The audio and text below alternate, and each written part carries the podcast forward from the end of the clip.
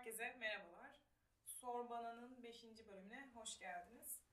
E, Mutluluk Felsefesi serisini geçen hafta sonlandırmıştık. 4 bölüm olacak şekilde yayınlamıştım. E, zaten ilk bölüm yayınladığımda da e, bunun o konuya has olduğunu belirtmiştim. Dolayısıyla artık bu haftadan itibaren e, seri olmayacak şekilde böyle kısa kısa farklı dikkatimi çeken konular hakkında size bilgi vereceğim. Bu haftaki konumuz ekofeminizm. Son yıllarda popülerleşen ve adını sıkça duyduğumuz belli akımlar ve felsefeler var. Ee, işte dahil olduğumuz çevrelerde, arkadaş ortamlarında, bir kitapta, işte bir makalede, bir televizyon programında e, ismini duyabildiğimiz şeyler bunlar.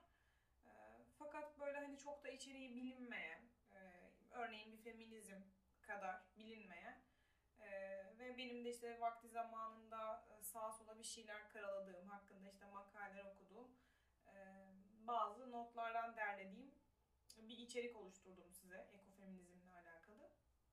Tabii bunlar böyle çok hani akademik e, tüm detaylarını verdiğim e, şeyler olmayacak. Eğer ilginizi çekiyorsa siz üzerine katarak, e, gerekli araştırmaları yaparak bu konu hakkındaki bilginizi artırabilirsiniz. Şimdi dünya kamuoyunda da çok ses getiren e, bir konu artık ekosistem sorunları biliyorsunuz. İşte bu neoliberal politikalarla birlikte e, ve sermaye kültürünün e, yol açtığı e, felaketlerle birlikte orantısız bir kaynak tüketimi, çok tahrip edici bir doğa sorununa yol açtı. Tabii ki belli iklim eylemcileri var. Bu sorunlarla işte başa çıkmaya çalışıyorlar. Fakat yine de bunun hani bedelini ödeyen daha çok yoksullar ve savunmasız insanlar oluyor. E, çevre sorunlarının çok fazla önemsendiği, böyle duyarlılıklarımızın çok yüksek olduğu bir toplumda yaşamıyoruz bildiğiniz üzere. İşte böyle hani mangalından, konforundan e, çok ödün vermeyen bir milletiz. E, işte kullandığı parfümün, deodorantın e, atmosfere verdiği zarar düşünen ya da işte ne bileyim çöpleri ayrıştırmanın ne kadar önemli bir gereklilik olduğunu anlayan, işte yağı lavaboya dökmeyen, plastik atıkları en aza indirgemek için çaba harcayan vesaire vesaire bu örnekleri çoğaltabilirim. E, bir çoğunluk değiliz. Dolayısıyla hani örnekleri burada bırakıp hemen şu meseleye bir bakalım. Şimdi e, ekofeminizm temelde ekolojik yıkımla e, işte cinsiyet ayrımcılıkları, ırkçılık, sınıf ayrımı gibi konuları birbiriyle bağlantılı olduğunu söylüyor bize. E, zaten hani feminizm hakkında biraz daha fazla bilgi e, yaygın hani benim gördüğüm kadarıyla. Oradan e, temel bilgiyi alıp e, ekolojiyle birleştirin e, kafanızda. Burada daha çok tarihsel bağlam vurgulanıyor. Onu öncelikle söylemek lazım. Ee, ve artık işte gazeteciler, akademisyenler, e, türlü e, kültürel işlerle ilgilenen insanlar e, sıkça bu ekofeminizmden de bahsetmeye başladı. E, ben de galiba bir yanlış hatırlamıyorsam 2-3 yıl önce e, ekofeminizmle alakalı bir şeyler okumaya başlamıştım. Oradan zaten 2-3 yıl önceden kalan notlarımı bir karıştırdım bu bölüm için. Oradan biraz içerik oluşturdum. Şimdi birazcık böyle hani tarihsel arka planına baktığımızda feminizmle alakalı okumalar yapıyorsanız böyle birinci dalga, ikinci dalga, üçüncü dalga diye adlandırıldığını biliyorsunuzdur. Bilmiyorsanız da burada bahsedeceğim için dipnot olarak söyleyeyim. E, temel çıkış felsefeleri farklı bu e, feminizmlerin. E, 1970'lerden e, sonra yani itibaren de diyebiliriz. İkinci dalga feministler denilen grubun artık e, kendine konu edinmeye başladığı bir mesele olmuş bu. E, tabii eko feminizmin de böyle perspektifini geliştirmesiyle birlikte artık üçüncü dalga feminizm konusu olma e, yavaşlamış. E, işte İkinci Dünya Savaşı'ndan sonra e, işte tabiatın e, tahrip edilmesi, işte içinde yaşayan canlıların e, yaşam tehlikeleri e, gittikçe artmış. İşte tabii ki hızlı nüfus artışı, doğal kaynakların e, orantısız tüketimi, işte endüstriyel ürünlere yönelme, nükleer işte silahlar gibi konular artık gittikçe tabii ki e, bütün yaşam formlarını e, tehlike altına almış. E, yani ortak görüşümüz şu ki bunların hepsinin sebebi insan eylemleri. E, etik alanda e, bir alt disiplin var. E, çevre etiği olarak ele alınıyor. Çevre etiğinde bu, bu tarz konular çok sık e, tartışılır. Yani böyle e, ucu açık ve hani konuşmanın biraz e, zor olduğu meselelerdir. Ekofeminizm de çevre etiği altında e, tartışılan bir alan. Burada temelde şunu görüyoruz. E, aslında çevre sorunlarıyla kadınların sorunları arasında bir e, benzerlik olduğunu söylüyor ekofeministler. Aslında tarihsel arka planına baktığımızda da e, tabii haklı olduklarını görebiliyoruz. Onlara birazdan gireceğim. Hala biraz tarihsel arka planından bahsetmeye çalışacağım şimdi size. Bu ekofeminizm terimi 1974 yılında Fransız feminist bir yazar var işte François Dubon diye. Onun tarafından kullanılmış. Kitabının adı da ya feminizm ya ölüm. E, tabii farklı isimler de var e, bu ekofeminizm teriminin geçtiği e, söylenen. Ben bunu feyz aldım. Araştırırsanız size zaten ulaşırsınız farklı isimlere. Ama hani şunu biliyoruz ki ortalama 1970'lerde gündeme gelmiş bu konu. E, Dubon'a göre bu çevresel yıkımın, e, bu ekolojik tahribatın nedeni erkek kontrolündeki üretim mekanizmaları ve işte bunun yol açtığı e, kadın cinselliğinin e, lanse ediliş şekliyle birlikte aşırı nüfus artışı. E, temelde buradan geliyor. Ama tabii burada hani belirtmek istiyorum tekrardan okumaları belli bir seviyede olmayınca kişinin bunu bireysel olarak algılayabiliyor. Burada bahsettiğimiz alt metin şu. E, birey olarak erkek değil yani ataerkillik burada e, ba, e, bağlamı verilen şey bu. E, şimdi hem çevrenin hem de kadınların özgürleşmesi için böyle cinsiyete dayanmayan, e, eşitlikçilik e, fikrinin yaygınlaştığı bir düzenin olması gerekiyor ekofeministlere göre. E, ve kadınlar e, bu konuda erkeklerin e, yerini devralmak yerine bu toplumsal düzeni yeniden şekillendirmelidir diyor e, bu savunan, bu ekofeminizmi savunan kişiler ve yine e, çevre sorunlarını, kadınların sorunlarıyla aynı düzlemde ele al, alıyor olmalarının temel sebebi de ataerkilliğin e, kadın ve doğa arasında bir yakınlık e, kurması ve bu yakınlıktan dolayı da ikisini de tahakküm altına almak istemesi yatıyor. E, yavaş yavaş şekillenecektir diye düşünüyorum kafanızda bu kurduğum cümlelerin anlamı. Şimdi bu benzerlik ilişkisi yani doğa ve kadının e, benziyor olduğu e, görüş konusunda ekofeministler e, gördüğüm kadarıyla biraz farklı görüşlere sahipler ama temelde şöyle bir üç maddeye ayırabiliyoruz. Mesela bir görüşe göre e, kadınların erkeklerden farklı psikolojik ve biyolojik özelliklere sahip olduğunu söyleyenler var. Yani doğa ve kadın arasında kurulan yakınlığın dayanağı aslında bu argüman. E, oysa ekofeministler e, bu benzerliğin ataerkillik tarafından çeşitli tarihsel ve toplumsal süreçlerle oluşturulduğunu söylüyor. E, bu da başka bir görüş ayrılığı. Başka bir e, madde ise bu iki zıt görüşü e, tek bir görüş altında e, birleştirmiş yani sentezlemiş ve e, bu tinsellik dediğimiz e, durumların doğayla özdeşleştirilmesi olarak e, ortaya koymuş.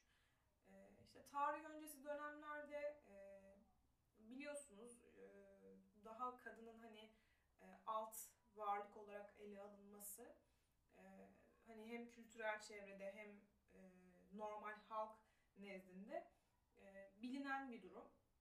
E, ataerkilliğin e, gelmesiyle birlikte bir tür ekolojik e, kriz yaşanması ekofeministler tarafından da bir benzerlik e, olarak ele alınmış. Yani işte hani e, her şeyi yaratan doğa tanrıçası inancı var ya tarih öncesi dönemlerde böyle doğa güçlerine tapınma gibi durumlar. E, bu insanların, çağdaş insanlara göre ekolojik bilinçleri daha gelişmiş bir düzeydeymiş. Yani doğaya saygı duyuyorlar, ona çok e, böyle itinayla yaklaşıyorlar. Kadın bedeninde ortaya çıkan bu yaşam verme, işte yani e, doğurganlık olayı da e, aynı değerlerle karşılanıyormuş. Ama biliyorsunuz artık hani hamile kadın sokakta gezmemeli falan gibi bir noktaya gelmişiz. E, orası da ilginç bir durum. E, zamanla yavaş yavaş bu doğaya ve kadına e, da yaratma e, ritüeline saygı duyma hali e, bir değişime uğruyor ve fethetme, işte hükmetme e, gibi böyle eril kavramlar e, baskın olmaya başlıyor. Kadınların besleyip büyüten anne rolünü e, kadınlara dayatan e, bu bakış açısı e, aslında kadınların doğaya yakınlığının dişilikten geldiğini de ortaya koyuyor. Yani işte biliyorsunuz e, felsefe ile alakalı da e, 3-4 bölüm bayağı bir konuştuk. Oradan biliyorsunuz isimleri. Hani Platon'dan başlayın Bacon'a kadar, hani Descartes, Bacon e, isimlerine kadar e, bilimin, işte felsefenin temellerini atan düşünürler e, böyle hani yüzyıllar boyunca doğayı e, insan hakkının biçim vereceği ve e, üzerinde egemenlik kuracağı bir mekanizma yani cansız ve ruhsuz bir mekanizma olarak görmüş ve onu denetim altına almak istemiş. E, işte bu denetim altına almaya çalıştığı şeylerin arasında da tabii ki e, doğa, işte kadınlar, köleler, böyle yerli ve savunmasız e, halklarda yer almış. Tabii dinlerin de burada çok büyük bir etkisi olmuş. Onu da söyleyelim. Ee, daha çok işte bu doğa ana e, inancının oluşturduğu bütüncül bakış açısının yerini günümüzde daha çok ataerkil inançlar almış. İşte İbrahim e, inançları adı altında toplanan yaratılış mitleri var. E, ve her şeyin böyle gökyüzünde e, olan bir tanrı tarafından birbirinden bağımsız, ayrı ayrı yaratıldığı ve insanların diğer canlılar üzerindeki e, üstünlüğü resmediliyor. Dolayısıyla hani erkek olan insana doğadaki diğer canlılardan farklı olduğunu düşündürüyor bu durum. Bu da tabii ki kadın kadının doğa ile birebir bağlantısının olduğu biyolojik özelliklerinden de e, ayrı olma duygusunu veriyor. E, kadın ve doğa potansiyel olarak tehlikeli ve kaotik düşünülüyor. İşte bu cadı e, avlarını falan biliyorsunuz. Böyle günahkar hani olarak e, görülmeye başlıyor bir süre sonra. Ataerkil dinlerde erkekler sadece bu tehlikeleri egemenlik altına e, alarak tinselliğini yaşayabiliyorlar. Tabii ki işte çevre ve kadın sorunlarını çözmek için e, insan ve doğa arasındaki bu ayrılık duygusunun temelde ortadan kaldırılması gerekiyor.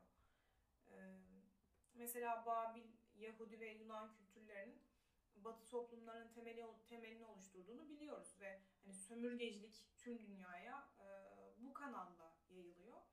Tabii ki e, insanları ve yeryüzünü ekolojik e, krize sürükleyen, işte savaşlara sebep olan, yoksulluğu doğuran tek bir din ya da kültür e, olmasa da daha baskın olan kültürler var. İşte Batı Hristiyanlık geleneği, işte Asya inançları vesaire türetebiliriz bunları. İnsan ve doğa uyumuna karşı. E, dolayısıyla yeryüzüne karşı bir yabancılaşma ve umursamazlık e, durumu ortaya çıkıyor. Ve bu erkek egemen dinler e, zamanla dönüşmeli yerini kadın bir tanrı almalı değil. E, ama yine de bu hani içindeki kutsallığa odaklanıp e, evreni ortaya çıkaran yaşam gücünün kendisi olduğunu fark et felsefesinin e, daha yaygınlaşması gerekiyor diyor ekofeministler. E, kadına atfedilen bu hani özel alan mevzusuna bakacak olursak daha çok erkeklere işte böyle kamusal ve politik alan ayrılmış. E, kadın daha çok işte e, yemek pişiren, çocuk bakan, e, ev temizleyen bir özel alana sıkıştırılmış. E, aslında antik dönemde çok da farklı değilmiş durum. Biliyoruz bunu hani baktığımızda. Devam eden yıllarda da işte bu dinsel öğretilerle birlikte daha da değersizleşmeye başlamış. Dolayısıyla çok da böyle hani büyük bir değişim olmamış kadınlar düşünüldüğünde. Şimdi bu ekofeminizmle alakalı e, isimler ve birkaç tane böyle çevre hareketinden e, bahsedeceğim. Mesela Çipko hareketi e, diye bir hareket var. Belki duymuşsunuzdur. İşte bu e, çevresel aktivizm e, başlığı altında e, anlatılan bir hikaye. Hindistan'da geçiyor e, bu hikaye. İşte devlet bir şekilde döviz e, şeyini hmm, kazancını artırmak için e, çok eski ve köklü e, ağaçların kesimini e, yasallaştırıyor ve işte bir grup kadın Hindistanlı kadın grubu da böyle ağaçların işte gövdelerine sarılarak ağaçların kesimini engellemeye çalışıyor ve tabii aralarında böyle bayağı bir arbede yaşanıyor. E, ve bir şekilde hani başarıyorlar. E, işte bizde de hani Türkiye'de de çok yakın süreçlerde olmuştu biliyorsunuz. E, şeyde Karadeniz'de e, Karadenizli kadınların işte böyle yıkım araçlarının karşısına dikildiği durumlar. Aslında hani kadınlar e, eskiden beri şey olarak bilinir ya hani böyle e, ata tohumundan falan bahsederler. Kadınlar tohum saklayan, onu işte böyle yıllar sonra yeniden canlandıran e, konumundadır. Ama artık tabii e, küresel şirketler bunları stokluyor bu GDO gibi bir problemle e, işte gündemimizde yer alıyor. E, bununla alakalı işte Arundhati Roy mesela e, iyi bir aktivist. E, Juan Martinez var, e, Ramachandra Guha var. Eğer araştırmak istiyorsanız diye hani söylüyorum bu isimleri. Önemli ekolojik sistem savunusu yapıyor bu insanlar ve cinsiyetçi sömürüyle alakalı da oldukça şeyleri var hani çabaları var. Bazı e, yazarlara da e, esin olmuş aslında ekofeminizm konusu. Mesela e, işte Margaret Atwood'un e, Damızlık Kızın Öyküsünü izleyenler bilirler veya kitabını okuduysanız oradan da hakimsinizdir. İşte orada da temelde ne vardı? E, doğurganlık durumundan faydalanan üst segment erkekler bir şekilde soylarının devamı için işte böyle yasal bir tecavüz, toplu tecavüz e, durumunu yaşatıyordu kadınlara. Aslında böyle gelecek e, gelecekte kıt, e, kıtlık ve işte böyle hani bu tarz e, distopik e, durumların gerçekleşme ihtimalinde erkeklerin dişil e, canlılara karşı neler yapabileceğiyle alakalı da aslında e, mesajlar veriyor gibi görünüyor. Orada da hani bir soy devamı ve doğurganlığın korunması durumu e, söz konusu çünkü. Yine işte Mad Max var. İzleyenler vardır belki. George Miller'ın e, senaryosu. Burada da işte petrol e, savaşları olmuş ve işte petrol savaşlarından sonra e, nükleer savaş yaşanmış bir dünya var. Burada da yine aynı şekilde işte bir doğurganlık krizi yaşanıyor ve e, bir kabile lideri işte damızlık olarak kullanıyor kadınları vesaire. E, bütün şeyi anlatmayayım izlerseniz görürsünüz. E, en sonda filmin en sonlarına doğru yine aynı hikayeyi görüyorsunuz. İşte böyle köklü e, kadınların sakladığı tohumlarla yeniden dünyayı yeşertme mesajı vardır orada. Aslında hani temelde ekolojik e, düzenin sağlanabilmesi için kadınların da e, daha doğrusu bu hani cinsiyet ayrımcılık e, problemlerinin de halledilmesi gerekiyor ve gezegenin e, korunması, yeşilin korunması sadece aynı düzeni olduğu gibi devam ettirmek anlamına gelmiyor. Gördüğünüz gibi işte hani dinsel meseleler var, tarihsel meseleler var. Burada değişmesi gereken bayağı kökten bir e, düşünme sistemi olduğunu görüyoruz. Yani böyle çok hani itaatkar e, olmak yerine biraz daha eleştirel bakmak gerekiyor duruma. E, ve hani kadın bedeninin böyle daha çok işte ücretsiz emek, haz nesnesi e, ya da sömürülecek bir e, meta olarak görülmesi de e, hep bu, bu sorunlarla iç içe ekofeministlere göre. Aslında ekofeministlere göre değil konuşup birazcık hani düşündüğünüzde, araştırdığınızda çok da mantıklı olduğunu görüyorsunuz. Bugünlük ekofeminizmle alakalı söyleyeceklerim benim bu kadardı. E, filmlere ve kitaplara bakmak isterseniz biraz daha e, belki hakim olursunuz. Çok güzel makaleler de var ekofeminizmle alakalı. E, onlara da bakabilirsiniz. E, akademik makaleler de var. Daha böyle dergilerde yayınlanan e, kısa kısa bir sayfalık, iki sayfalık metinler de var. Onlara da bakabilirsiniz. E, sizin de bana bu konuyla alakalı e, belirtmek istediğiniz şeyler varsa sor bana Instagram hesabından mesaj atabilirsiniz. E, dinledikten sonra yorumlarınız ve sorularınız olursa da muhakkak DM'den e, geri dönüş yapın bana. Şimdiden herkese iyi dinlemeler diliyorum ve kendinize